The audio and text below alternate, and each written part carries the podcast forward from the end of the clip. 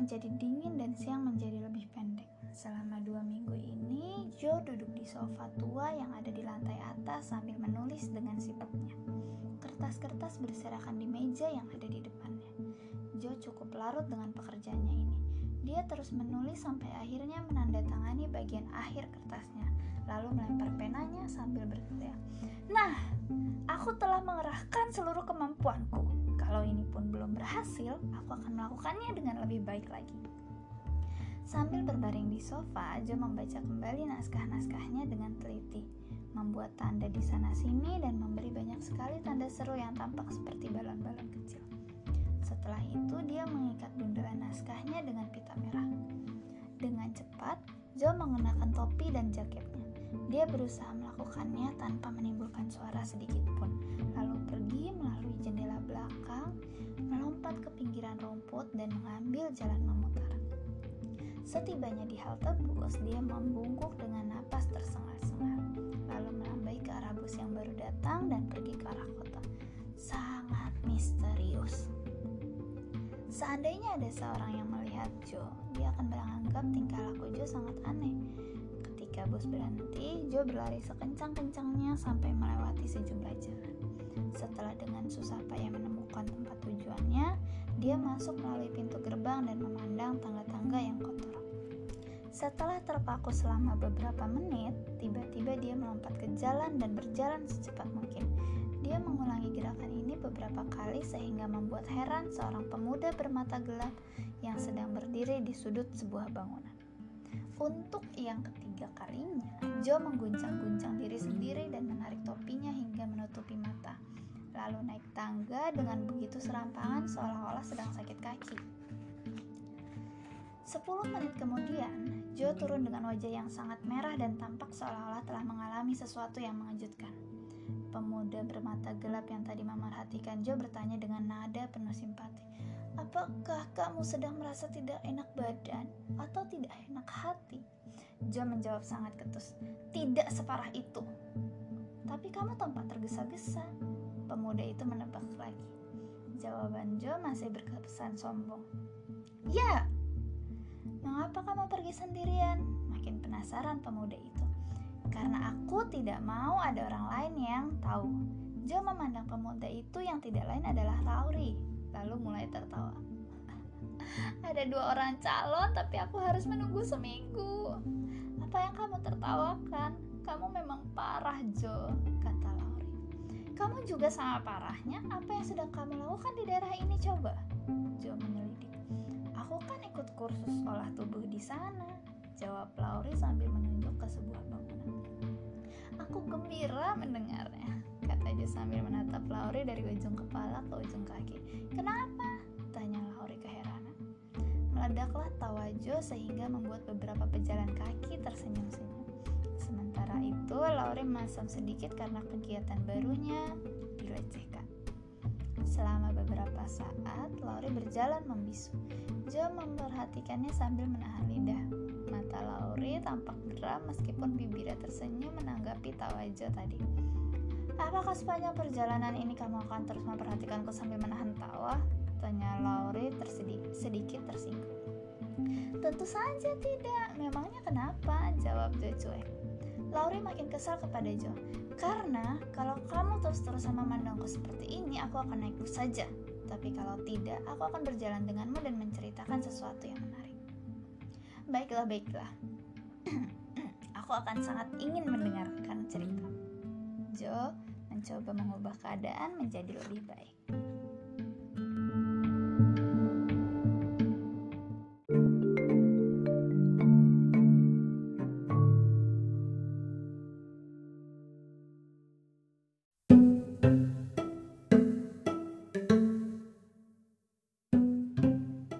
Sambil meletakkan telunjuk tangannya ke hidung, Lauri berkata pelan, "Ini rahasia. Aku tidak ingin kamu menceritakannya lagi kepada orang lain."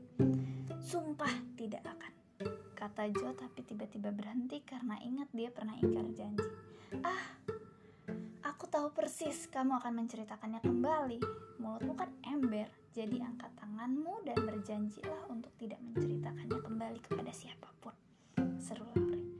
Apakah rahasiamu ini benar-benar penting? Ucap Jo agak. Lauri semakin antusias. Oh, rahasia ini tentang orang yang kamu kenal. Ceritanya lucu sekali. Kamu harus mendengarkannya. Aku sudah tidak sabar untuk menceritakannya.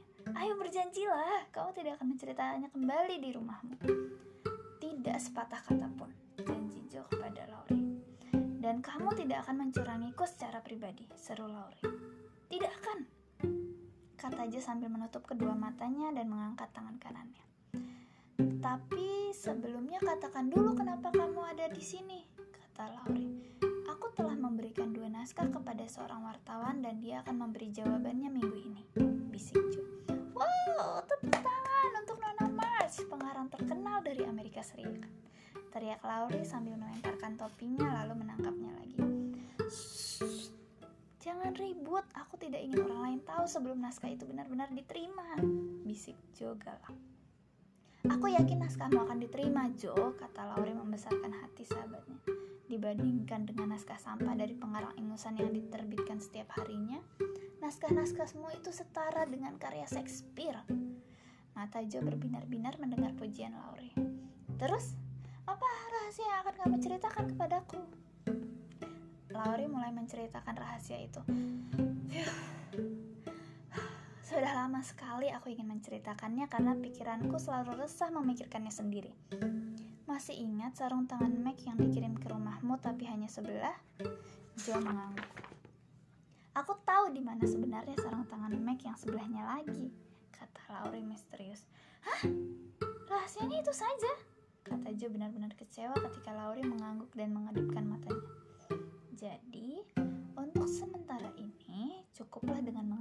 Mengatakan di mana sebenarnya sarung tangan itu berada, kata Lauri lagi. Jadi di mana? Jauh mulai terpancing dengan rahasia tersebut. Lauri membungkuk dan membisikkan tiga kata di telinga Jo. Seketika itu juga mimik wajah Jo menjadi lucu. Dia berdiri dan memandang Lauri selama beberapa saat, tampak terkejut. Kemudian berjalan kembali dan berkata dengan tajam, Bagaimana kamu tahu?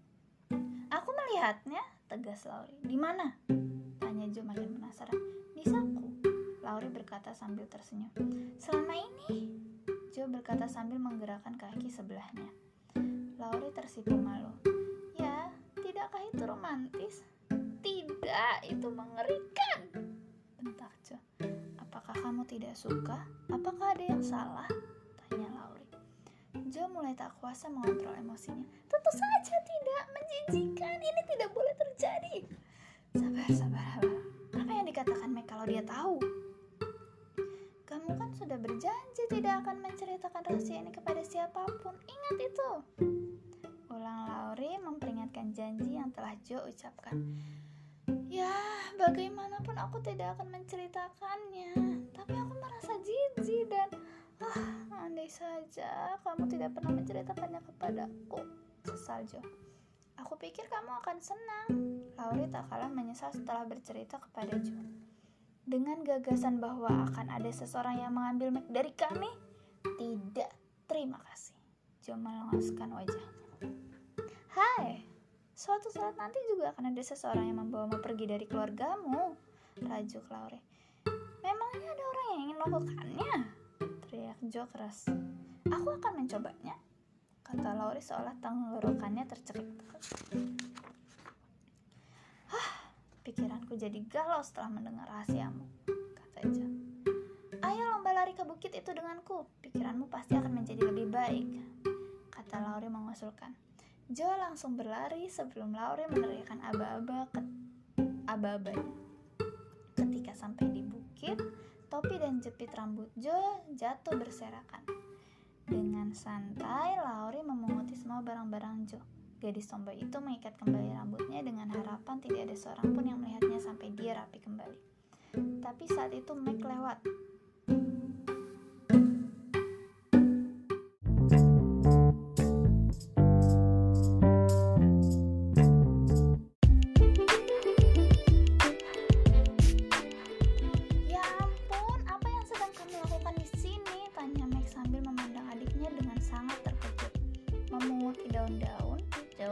dan memilih beberapa daun yang kebetulan ada di dekat kakinya. Dan jepit rambut, tambah Lauri sambil melemparkan setengah lusin jepit rambut ke pangkuan Jo. Jepit itu tumbuh di jalanan, Meg. Kamu habis berlari-lari ya? Kamu begitu terengah-engah, kata Meg sambil membereskan rambutnya yang acak-acakan tertiup angin. Jangan memaksaku tumbuh dewasa sebelum waktunya, Meg.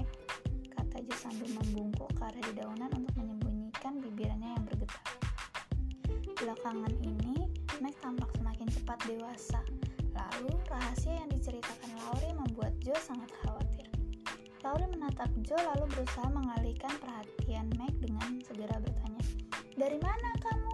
Apakah semuanya baik-baik saja? Dari rumah Sally, dia menceritakan kepadaku tentang pernikahan dan Movat yang katanya sangat indah. Jawab Meg. Kamu iri ya, Meg?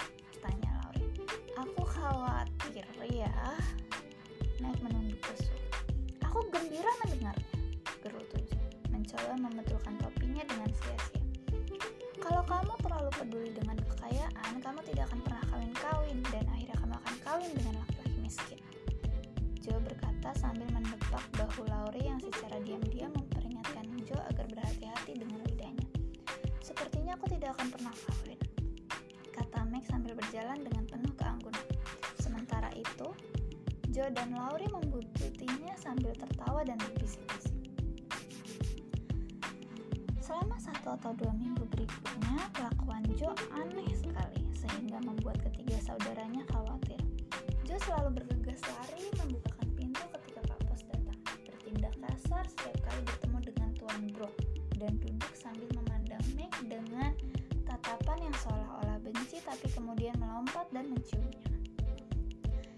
dan Laurie juga sering bertukar isyarat dan berbicara dengan kata sandi sampai ketiga saudara Joe mengira mereka benar-benar telah menjadi sintik.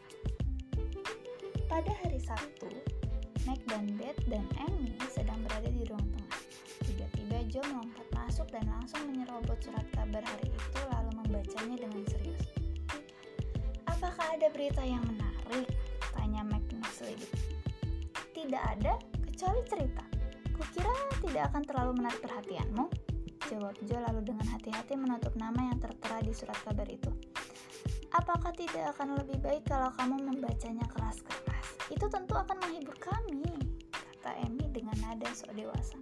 Apa judulnya? Tanya Beth penasaran mengapa Joe terus menutupkan wajahnya ke surat kabar tersebut. Sang pelukis, jawab Joe tegas. Sepertinya bagus juga. Coba baca yang keras. Bunyi yang heboh dan tarikan napas panjang, Joe mulai membaca cerita itu dengan sangat cepat. Ketiga saudaranya mendengarkan dengan penuh minat karena ceritanya sangat romantis. Aku sangat menyukai ceritanya, kata Amy ketika Joe berhenti. Aku suka bagian-bagian romantisnya, kata Meg sambil mengusap air matanya karena kisah percintaannya memang tragis. Siapa penulisnya? Tanya Beth yang menangkap Joe tiba-tiba berdiri, lalu melempar surat kabarnya sambil menunjukkan kepuasan yang amat sangat. Kamu? Teriak Meg menjatuhkan semua pekerjaannya. Wah, bagus sekali, kata Amy kritis. Oh, Joku, aku sangat bangga padamu. Seru sambil berlari dan memeluk.